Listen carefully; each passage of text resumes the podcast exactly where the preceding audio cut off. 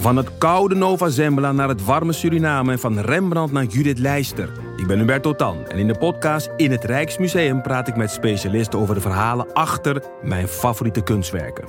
Nieuwsgierig? Beluister nu de nieuwe afleveringen. Je rijdt dus door een oorlogsgebied op een, op een vellig, terwijl het keihard regent en overal pikdonker wordt. Nee, we durven niet te stoppen. En eh, ja, eh, Joep is nooit bang. Joep Vermans, de kamerman, die was nu ook echt bang. Via podimo.nl slash gonzo luister je de eerste 30 dagen gratis naar Podimo. podimo.nl slash gonzo.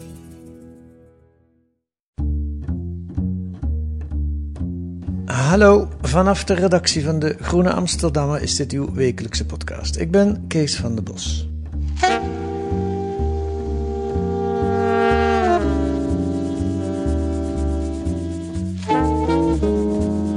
Soms moet je je als journalist verdiepen in onderwerpen waar je niet vrolijk van wordt. Of waar je eigenlijk je helemaal niet mee bezig wil houden. En dat was een beetje het geval bij het onderzoek dat Jaap Tielbeke, Koen van de Ven en Sal Hagen deze week in De Groene beschrijven. Het onderwerp? Forum voor Democratie. De partij van het stabiele genie Thierry Baudet.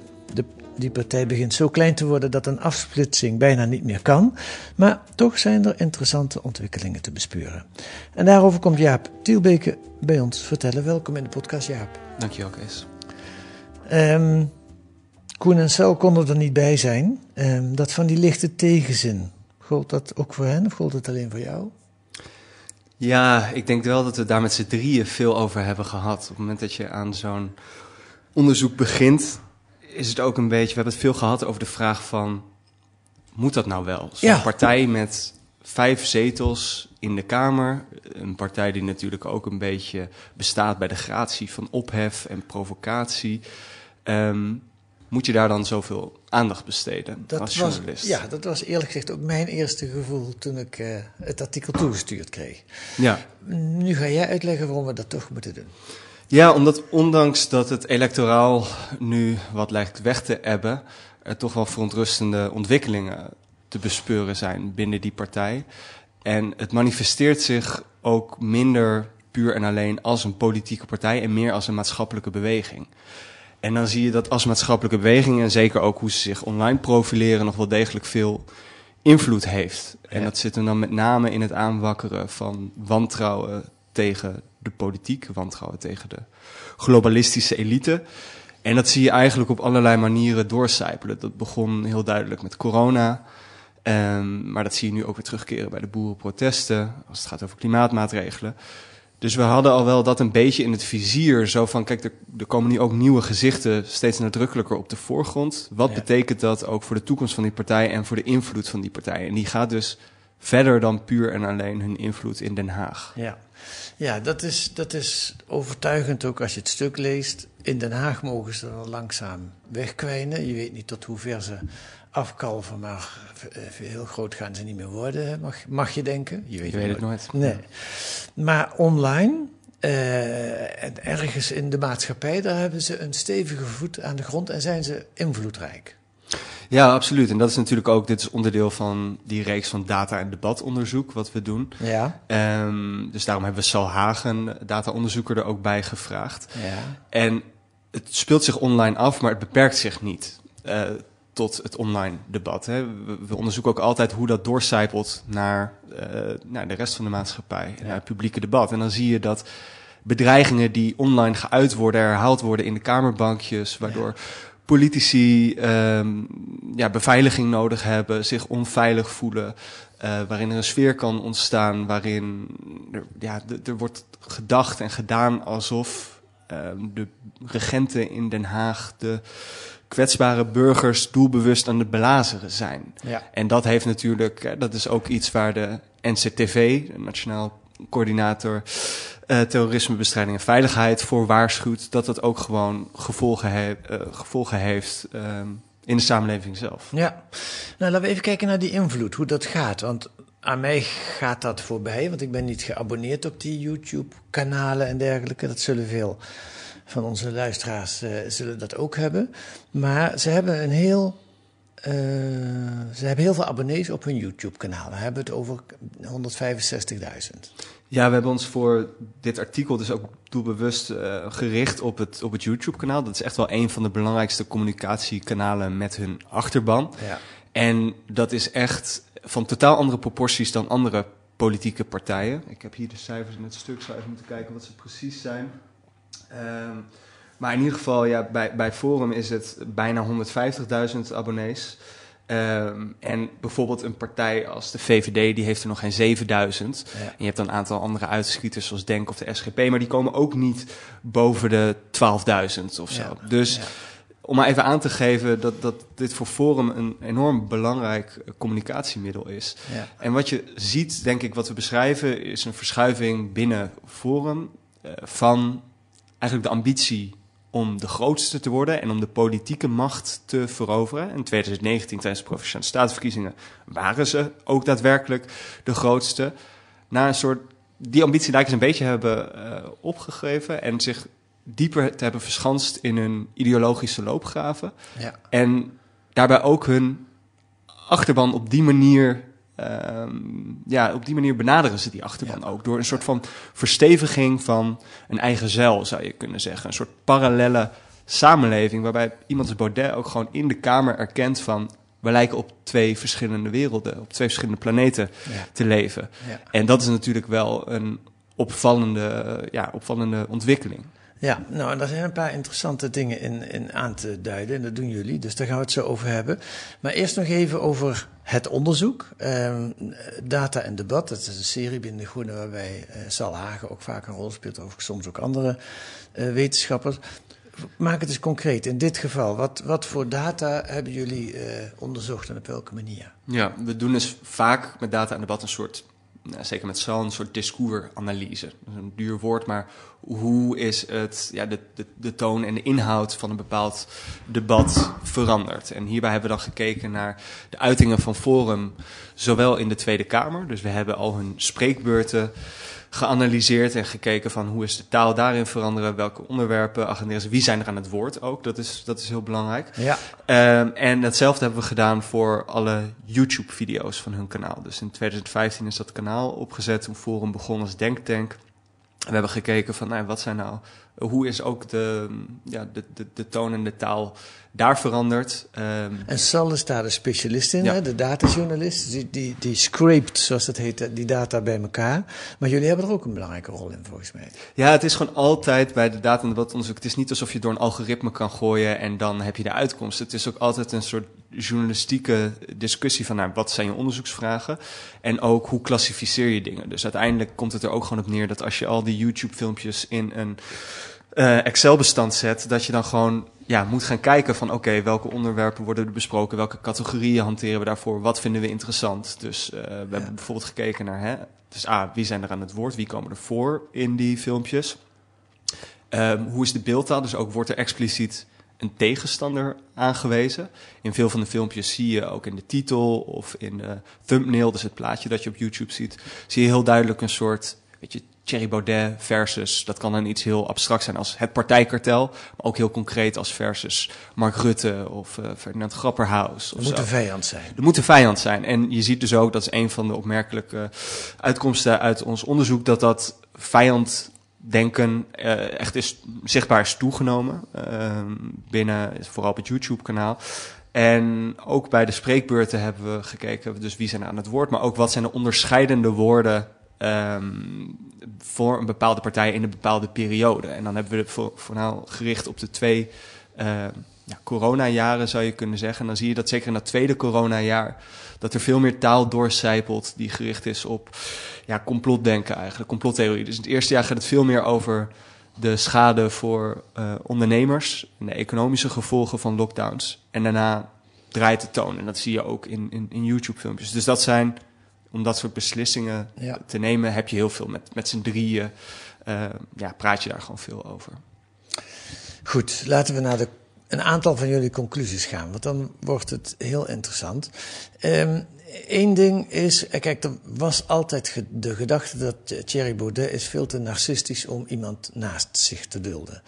Ehm nou denk ik dat nog steeds wel een beetje, maar eh, eh, eh, dat de partij zou ook daaraan ten grond te gaan. Nou, misschien is dat zelfs voor een klein deel wel gebeurd. Maar uit jullie analyse komt dat dat beeld helemaal niet klopt. Ja, het werd, ik bedoel, bij Forum zijn er natuurlijk de nodige conflicten en afsplitsingen geweest. Uh, die geschiedenis hoeven we niet helemaal op te rakelen. Maar daar werd vaak inderdaad als uitleg gezien van ja, als er dan iemand naast Baudet komt die een beetje de spotlight steelt, dan, uh, dan botst dat en dan, uh, dan, dan, dan klapt dat. Ja. En uit onze analyse blijkt dus dat hij wel degelijk bereid is het toneel te delen. Op dit moment, het laatste. Op dit moment, de laatste Ja. tijd. Ja. En het grote verschil is dat het nu gedeeld wordt door mensen die niet per se een soort rem op hem zijn, die een soort matigende invloed willen uitoefenen, maar die eigenlijk misschien wel ideologisch gedrevener zijn en radicaler zijn. Jongeren ook. Jongeren. En als je teruggaat naar veel conflicten intern, dan, ging, dan stonden die jongeren vaak ook centraal. Hè? Met Ja. name Freek Jansen, die Ja. die jongerenbeweging ook is begonnen. Die ook een beetje wordt omschreven als nou, de godfather van de JFVD, dus de jongeren van Forum voor Democratie. En eh, die was natuurlijk een aantal keer in opspraak geraakt. Je herinnert je vast nog de controverse rondom de antisemitische appjes bij, eh, bij die jongeren. Ja, En er was vaak nou van, eh, hè, nou, blijven de jongeren, dan stappen wij op. En de jongeren zijn gebleven en die hebben een steeds nadrukkelijkere rol binnen de partij gekregen. En als je luistert naar de toespraken van eh Freek Jansen en ook die andere eh, jonge mannen, dan zie je dat daar een veel, ehm, ja, een veel ideologischer geluid in doorklinkt. Dus Baudet schrijft, beschrijft het zelf ook in het boek als een soort tweestrijd die eigenlijk van meet af aan in die partij zat. Tussen een soort, ja, hij noemt ze een beetje de liber, li- libertaristische, fortanistische stroming, die toch wel eigenlijk politieke macht zocht en bereid was tot compromissen. En eh Forum als een soort, hij noemt een esthetische beweging bijna, die ja, totaal ehm, eigenlijk iedere, ja, hoe zeg je dat, gewoon, gewoon frontaal ingaat tegen het heersende wereldbeeld. En ook niet bang is om te provoceren en die echt door en door ideologisch gedreven is. En je ziet dat die lijn de overhand heeft gekregen. nou, dat lijkt me heel duidelijk. Laten we gaan luisteren. Dan horen we dat. Een van die jongeren, nou ja, ja, jong, Gideon van Meijeren. eh, die zeggen in de Tweede Kamer, eh zette die in eh, februari van dit jaar de coronapolitiek nog eens op een rij. Daar heb ik een klein stukje uit, uit de, de op YouTube gepubliceerde video daarover gekozen. En dat is wel interessant. Die video bijvoorbeeld is 480.000 keer bekeken. En ehm, ja, het is, eh, luister wat hij zegt. dan bewijst dat des te meer dat de minister helemaal niet het belang van de volksgezondheid voorop stelt. Met volksgezondheid heeft een QR-code namelijk helemaal niets te maken. Het dient enkel de belangen van de globalistische elite, die een great reset nastreeft. Een nieuwe maatschappelijke en politieke orde, waarin de beslissingsbevoegdheden van nationale staten verdwijnen en politieke en economische besluiten worden genomen door een re- wereldregering. Een nieuw world order. In het belang van de grote sleutelspelers, de corporate states, de NGO's en internationale organisaties. Maar in strijd met de belangen van gewone burgers. Ja, een, volkomen onzinnig verhaal, zou ik zeggen. eh, eh, met een heleboel termen.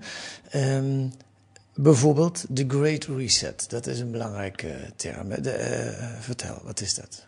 Ja, dat is een van de casussen die we eigenlijk hebben uitgelicht, of de belangrijkste casus. Omdat je dat keer op keer ziet terugkeren. En dat is kort door de bocht, zoals het hier wordt ingezet, een samensweringstheorie. Ja. Van een globalistische elite Zo is die het. er, nou eigenlijk zoals hij het zelf zegt, erop uit zou zijn om de gewone burgers hun vrijheden te ontnemen. Ja. En die term eh, die komt eigenlijk van een boek van Klaus Schwab. Klaus Schwab is de directeur van het World Economic Forum. Dan we wel dicht bij die elite natuurlijk. Dan kom je al dicht bij de elite. En dat eh, kom je helemaal als je kijkt naar wat het World Economic Forum organiseert. Namelijk die jaarlijkse top in Davos. Waar daadwerkelijk ook, ja, je zou kunnen zeggen, de, de, de houten metoten van het mondiale kapitalisme bijeenkomen. Om te bedenken hoe het verder moet met de wereld. En die Klaus Schwab schrijft een boek met als titel The Great Reset. Ja, Nou dus ja, dan ben je eh, er eigenlijk. bij, bij, bij alle eh, nou ja, mensen die kritisch zijn op dat soort eh, vorm van eh, de macht van, van dit soort globalisten, doe ik even air quotes, dat ziet de luisteraar natuurlijk niet.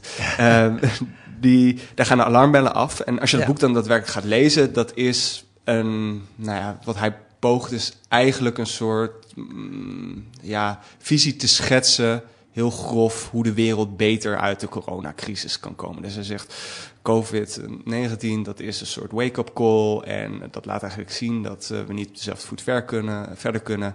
En dat allerlei veranderingen die al in gang zijn gezet, daardoor waarschijnlijk in een stroomversnelling zouden komen. Nou, daar kun je van alles van vinden, daar kun je van alles op aanmerken. Je kunt ook best terecht je afvragen of dat nou de taak is van zo'n niet democratisch verkozen man op zo'n top om dat soort uh, visies te schetsen. Maar wat er gebeurt in het Forum-universum is dat dat eigenlijk best wel saai en taaie boek. Ja. Uh, dat die titel daar wordt uitgepakt en dat wordt dan uh, ingepakt in een bepaald frame. Uh, dat het een soort kwaadaardige agenda, kwaadaardig plan is. Hè, Ja. Een New World Order. Het borduurt ook voort op uh, samenzweringstheorieën die eigenlijk al nou ja, sinds de jaren zestig rondzingen. Of, de, of het nou gaat om de Verenigde Naties of de Bilderberg-conferentie.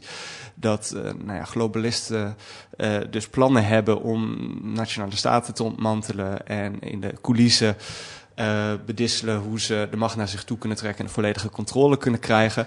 En dat wordt hier eigenlijk ook zo uitgelegd. Dus in plaats van kritiek te leveren op het, op het gewoon kritiek te leveren op het coronabeleid van het kabinet, wordt er gedaan alsof Mark Rutte een soort van puppet is, een pop is van het World Economic Forum, die eigenlijk de belangen dient van, nou ja, je hoort hem letterlijk zeggen, de grote uh, corporate states en de, de NGO's. Ja, de NGO's zitten dan ook Die ineens zitten daar ook ineens bij. En dit wordt dus gewoon uh, op, nuchter beweerd in een Tweede Kamer uh, debat. Hè. Zover is het gekomen. Hoe komen ze erop? Want dat boek van Klaus Schwab, als je dat serieus neemt, dan heeft dat helemaal niet te niets te maken met de Great Reset zoals zij die beschrijven. Nee, nee, nee. Kijk, het is... Je zou bijna een complottheorie weer gaan aanhangen. Wie heeft, ze, wie heeft dit nou... Wie heeft dit complot... Hoe komen ze aan dit complot? Ja, nou wat ik zeg, het borduurt al wel echt voort op um, eerdere complottheorieën die dus al langer rondzingen. In, in, deze zin is het niet nieuw. Er wordt nu dan het label The Great Reset opgeplakt. Ja, maar ja. ideeën over een New World Order, die zijn natuurlijk niet nieuw. De eerste Ehm, keer dat ik ervan hoorde was van de Illuminati. Ja, dat was in, in, eh, in een, eh, middel- eh, een mbo-klas aan, de, aan de ROC in, in Nijmegen. En meer dan de helft van de leerlingen dacht dat de Illuminati aan de macht waren. Ik denk de Illuminati. ja, zijn ja, ja, je hebt natuurlijk complottheorieën in allerlei soorten en maten. En of het nou gaat over pratende reptielen of uh, bloeddrinkende pedofielen die aan de macht zijn. Ja. Het, er is een heel spectrum van, maar vaak komt het er wel op neer. Wat, wat de rode draad is, is dat ergens uh, op een soort schimmig niveau de machtigen der aarde ja, de touwtjes in handen hebben en die macht alleen maar verder naar zich toe trekken. En ik denk ook electoraal gezien is het natuurlijk een soort ja, strategie. Dus ik weet niet in hoeverre, dat vind ik altijd een beetje moeilijke vraag en misschien ook wel irrelevant in hoeverre het puur opportunisme is en hoeverre ze daadwerkelijk in die retoriek geloven. Ja, maar het, het, ja. het, is natuurlijk wel dankbaar om te zeggen van, uh, kijk, al die andere partijen die voegen zich daar, daarnaar en wij zijn de enigen die echt in opstand komen, die door de verhalen heen prikken. En het grote gevaar is daarvan dus dat je, nou dat zie je nu bij de boerenprotesten, um, ook weer dat je in plaats van een discussie krijgt over ja, uh, hoe moeten we omgaan met dit stikstofprobleem, wat zijn de juiste maatregelen, uh, dat het hele probleem wordt afgeschilderd als iets wat gefabriceerd is, gewoon regelrecht een hoax. Ja. Hetzelfde zag je natuurlijk bij het klimaatprobleem. Het stikstofprobleem bestaat helemaal niet. En dan houdt eigenlijk iedere vorm van ja, parlementaire uh, overleg houdt dan ook op. Ja. Dus ze plaatsen zichzelf daarmee ook nadrukkelijk buiten die parlementaire orde. En dat doen ze denk ik ook uh, doelbewust. Uh, het indrukwekkende is dat het ook internationaal gebeurt. Uh, ik ga naar het volgende fragment toe praten. Het is van Alex Jones. Um, uh, ik heb even getwijfeld, er was ook zo'n fragment van Eva Vladingenbroek. Die, uh, ik weet niet of die nog bij de Forum zit, maar die zat erbij in elk geval. Die heeft onlangs bij Fox News het boerenverzet ook geduid in het licht van de Great Reset. De boeren wordt land afgepakt en dan moeten dan vluchtelingen voor in de plaats komen wonen. Dus een, een communistische machtsgreep is er be bezig. Nou, dat moet u maar van mij geloven als u het nog niet gehoord heeft. Maar wat u wel gaat horen is Alex Jones, een stevige man, grote baard. En die schreeuwt erop los in zijn eigen videokanaal. Hij is vorige week veroordeeld tot het betalen van 4,1 miljoen dollar aan de nabestaanden van de moordpartij de Sandy Hook School in 2012. Twintig kinderen uh, gingen, vonden daarbij de dood en zes volwassenen. En volgens Jones was dat allemaal een verzinsel. En uh, dus die moeder, een van die moeders, die was gewoon een crisisactrice, zoals hij dat noemde. Nou, die moeder heeft hem voor de rechter gesleept. Um, uh, en dan, dan, moet hij 4 miljoen betalen. Dit allemaal ter inleiding, want meneer Jones is ook erg te spreken over Gideon van Meijeren. En um, nou, het is een beetje een, een, een, verwarrend fragment, maar u moet weten, het gaat over. Uh, voor een deel wordt er Nederlands gesproken, wordt dan Gideon van Meijeren geciteerd, hoe die in het parlement aan uh, Mark Rutte vraagt dat boek, The Great Reset, daar hebt u toch uh, een, een, brief, een vriendelijke brief over geschreven. Dat dat, hij zegt zelfs dat hij het voorwoord geschreven heeft. Klopt dat? Dat klopt toch helemaal niet, hè? Nee. Um, nou, let op. Alex Jones. This book with the catchy title COVID-19 Great Reset. Als pakkende titel COVID-19, The Great Reset. That's all true. En mijn vraag aan de demissionair... My question to the PM is... How does he judge the content of this book? President is hoe beoordeelt hij de inhoud van dit boek? De minister-president. Ik ken het boek. I do not know this book. He wrote the frickin' forward. Again, he's written the forward to the book for the Dutch version. It, that comes out. He gets awards from him. He doesn't know who he is. Because unfortunately, you cannot read all books that get sent in. Hit pause. So 30, a minute before, he doesn't know who Klaus Schwab is. He doesn't know about the book. He doesn't know about the letter. But now he knows all why he did this. Continue. How is it possible that Mr. Root values a book that has neo-communist dat message? Dat Rutte een waardeoordeel hecht aan een boek met een neo-communistische boodschap, terwijl hij dat well, he did not even read the book. boek niet eens gelezen heeft. Dank u wel. So there you go. That young man is awesome. And that's, I mean, just that these people, no one stands up to these scums. To these scammers. Dat heb ik op moeten zoeken, dat woord. Dat betekent uh, oplichters. Um, ja, die Gideon van mij is een awesome young man.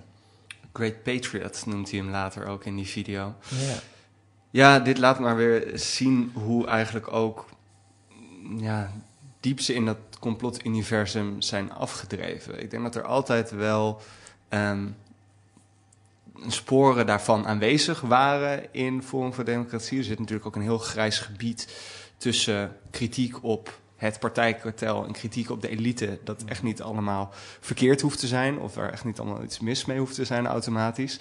Um, maar het komt steeds onverhulder aan de oppervlakte. Ja. En je ziet ook dat het inderdaad een soort internationale uh, beweging uiteraard is. We waren hier ook allerlei YouTube-kanalen vanuit Amerika heen gekomen om de farmers protest uh, te verslaan. En um, maar dat, dat Great Reset-theorie, dat is overigens wel interessant, dat het vrij nadrukkelijk ook in Nederland heel groot is. Okay. En uh, uit ons onderzoek blijkt ook dat dat forum op YouTube een duidelijke aanjager daarvan is. Het wordt vaak in één adem genoemd. Als het over de Great Reset gaat, komt in 20% van de gevallen wordt er ook verwezen naar forum of een bekende uh, forum politicus. En uh, ja, dus, dus ook op YouTube en uh, Facebook zag je datzelfde patroon. Dat had Nieuwsuur een tijd geleden ook laten zien. Um, en je ziet dat daarbij dus, dus Forum een nadrukkelijke rol speelt. En bijvoorbeeld ja, had je onlangs het relletje rondom Barbara Baarsma... die het voorstel van een uh, CO2-budget, persoonlijk CO2-budget, lanceerde. En wat me daarin ontzettend opviel is...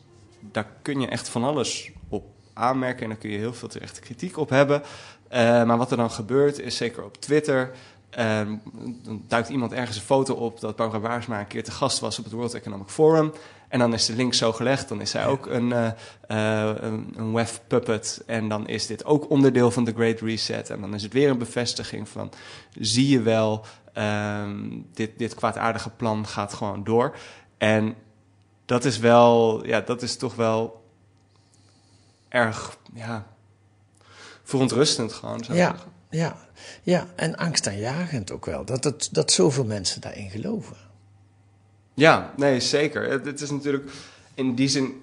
Complotdenken is natuurlijk niks nieuws. En het is moeilijk om te zeggen hoe het is gegroeid of of het is gegroeid. Maar je ziet wel dat de dynamiek heel anders is geworden met de opkomst van sociale media. Ja. En ehm, dat er dus nu ook een, een mediawetenschapper die we spraken, die noemde het de propaganda-pijpleiding. Dus het begint op schimmige internetfora als 4chan, waarvan Baudet ook zelf zegt, daar halen we best wel vaak ons nieuws ook vandaan.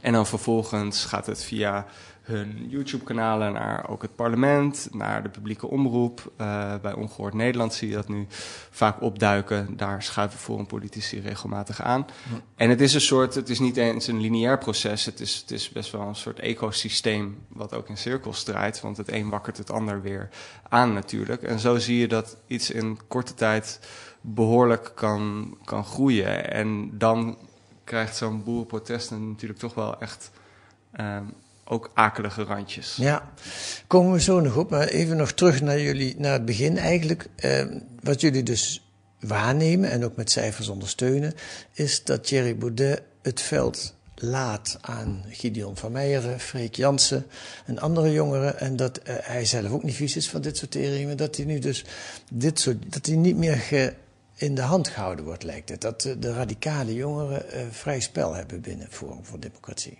Ja, dat is natuurlijk vaak, um, als je terugkijkt naar de geschiedenis, de mensen die zijn opgestapt, of het nou gaat om iemand als Henk Otte of um, Wieber van Haga of Annabel Nanninga en Joost Eertmans, die hebben op een gegeven moment toch gezegd, ja, dit, dit, dit gaat me te ver, die koers, die, uh, daar kan ik nu niet meer achter scharen. En nou ja, ik bedoel, dan heb je een behoorlijk hoge tolerantie, tolerantiegraad. Want ook in de beginfase waren dit soort zaken al wel degelijk zichtbaar. Ja. Maar het komt nu steeds duidelijker aan, de, uh, aan het oppervlakte nu die uh, gematigde stemmen weg zijn. Ja. En uh, eigenlijk steeds verder worden aangejaagd tot op het punt dat er ook nou ja, openlijk wordt gespeculeerd over...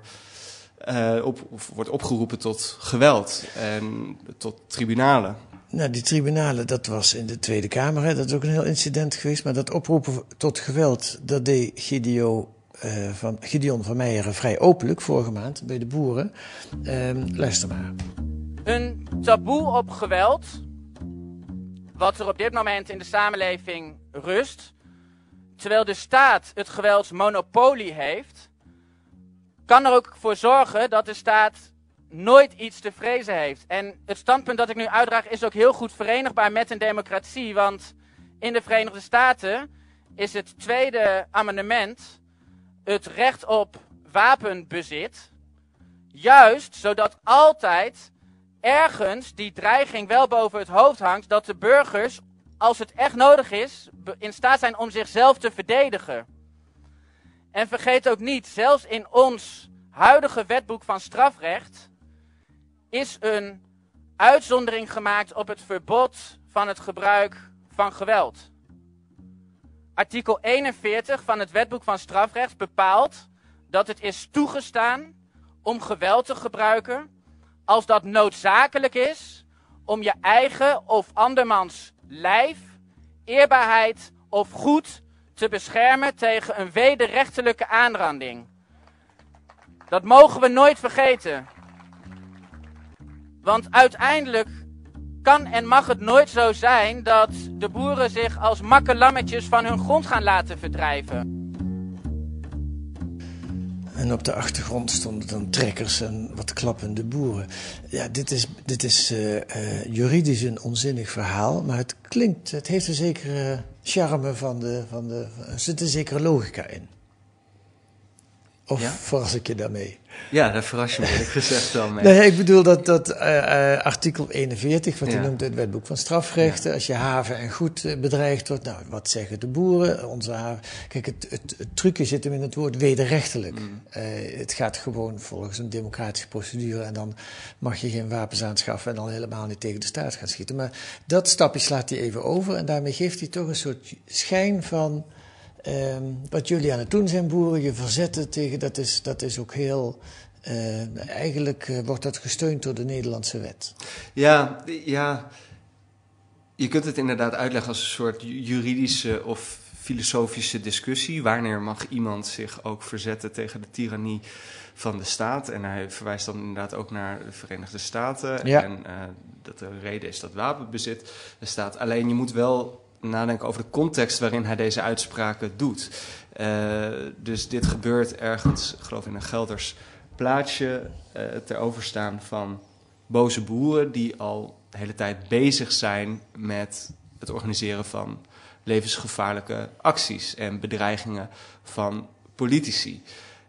En ja, iedereen maakt zich daar zorgen over. Iedereen probeert deescalerend op te treden om de angel eruit te halen en in overleg te treden. En wat doet Gideon van Meijeren? Die stapt namens Forum het podium op en die zegt: Wij zijn eigenlijk trots op dat wij in tegenstelling tot andere partijen, zelfs de belangenbehartigers van de boer-burgerbeweging, staan wij echt vol voor de boeren, want wij vinden dat ook geweld in deze context gerechtvaardigd is. Ja, ja je komt denk ik ook op een punt eh, dat je moet gaan nadenken over ja, hoe ga je binnen een democratische rechtsorde om met zulke partijen die dus openlijk vijandig zijn tegen media, openlijk vijandig zijn tegen collega-Kamerleden, openlijk uh, oproepen tot geweld. Uh, ja, dat is, dat, dat is denk ik wel een vraagstuk dat zich steeds nadrukkelijker opdringt als je dit soort uh, uitlatingen hoort. Want het gaat ja. hem natuurlijk helemaal niet om een soort juridisch uh, debat aan te zwengelen. want ik kan, ik kan me niet voorstellen dat hij de, de acties van Extinction Rebellion uit burgerlijke ongehoorzaamheid zet toe te lichten. Nee. of toe te nee. juichen. Dus nee. Um, het, is, het is gewoon doelbewust um, ja, volksmennerij. Ja. Ja, ja. En dat, wat het dan nog extra bedreigend maakt, vind ik, is in het licht van dat je op dit moment ziet dat de overheid tamelijk afwezig is als het gaat om het bestrijden van die boerenacties. Nou, afwezig is wat een groot woord, maar ze zijn er toch uh, behoorlijk voorzichtig en ze pakken ze met handschoenen aan. Ja, en, en dat is allemaal gericht op eigenlijk het, het deescaleren. We moeten ja. vooral niet zorgen dat de ja. vlam in de pan staat en dat het allemaal nog erger wordt. Ja. En um, ja, wat hij doet is natuurlijk het uh, gooien van olie op het vuur. En dat ja. is wel iets, ik denk als je deze ontwikkeling doortrekt, in 2019 zag je natuurlijk al dat Forum zich verzetten tegen bijvoorbeeld klimaatmaatregelen. Maar de argumenten die toen werden gebruikt, waren veel meer van ja, die lelijke windmolens die het landschap verpesten. Wat kan Nederland er nou aan doen? We zijn zo'n klein landje. Het kost bakken met geld, et cetera. Um, en nu wordt het over een hele andere boeg gegooid op het moment dat uh, klimaatverandering wordt voorgesteld als ook um, een, een verzinsel van diezelfde globalistische elite die corona heeft verzonnen of heeft opgeklopt en die stikstofproblemen uh, gecreëerd heeft om de boeren van hun land te jagen. Ja, ja, ja. Um, intrigerend. En eigenlijk vraagt het weer, maar dat is een heel ander gesprek, naar, naar uh, en daar heeft de Groene ook al vaker over geschreven, maar dat kan niet vaak genoeg gebeuren, naar een, naar een analyse of naar een onderzoek. Bij welke mensen slaat deze onzin aan en waarom? Wat, wat, wat voor soort onvrede, wat voor voedingsbodem valt dat? Maar als gezegd, nu gaat het over de, de, de voeders, zou ik maar zeggen, Forum ja. voor Democratie. Uh, Koen van der Ven moeten we ook noemen. Uh, en Sal Hagen, die samen met jou uh, dit artikel geschreven hebben. dit onderzoek gedaan hebben. dankjewel, Jaap Tielbeke, voor dit gesprek. Dankjewel.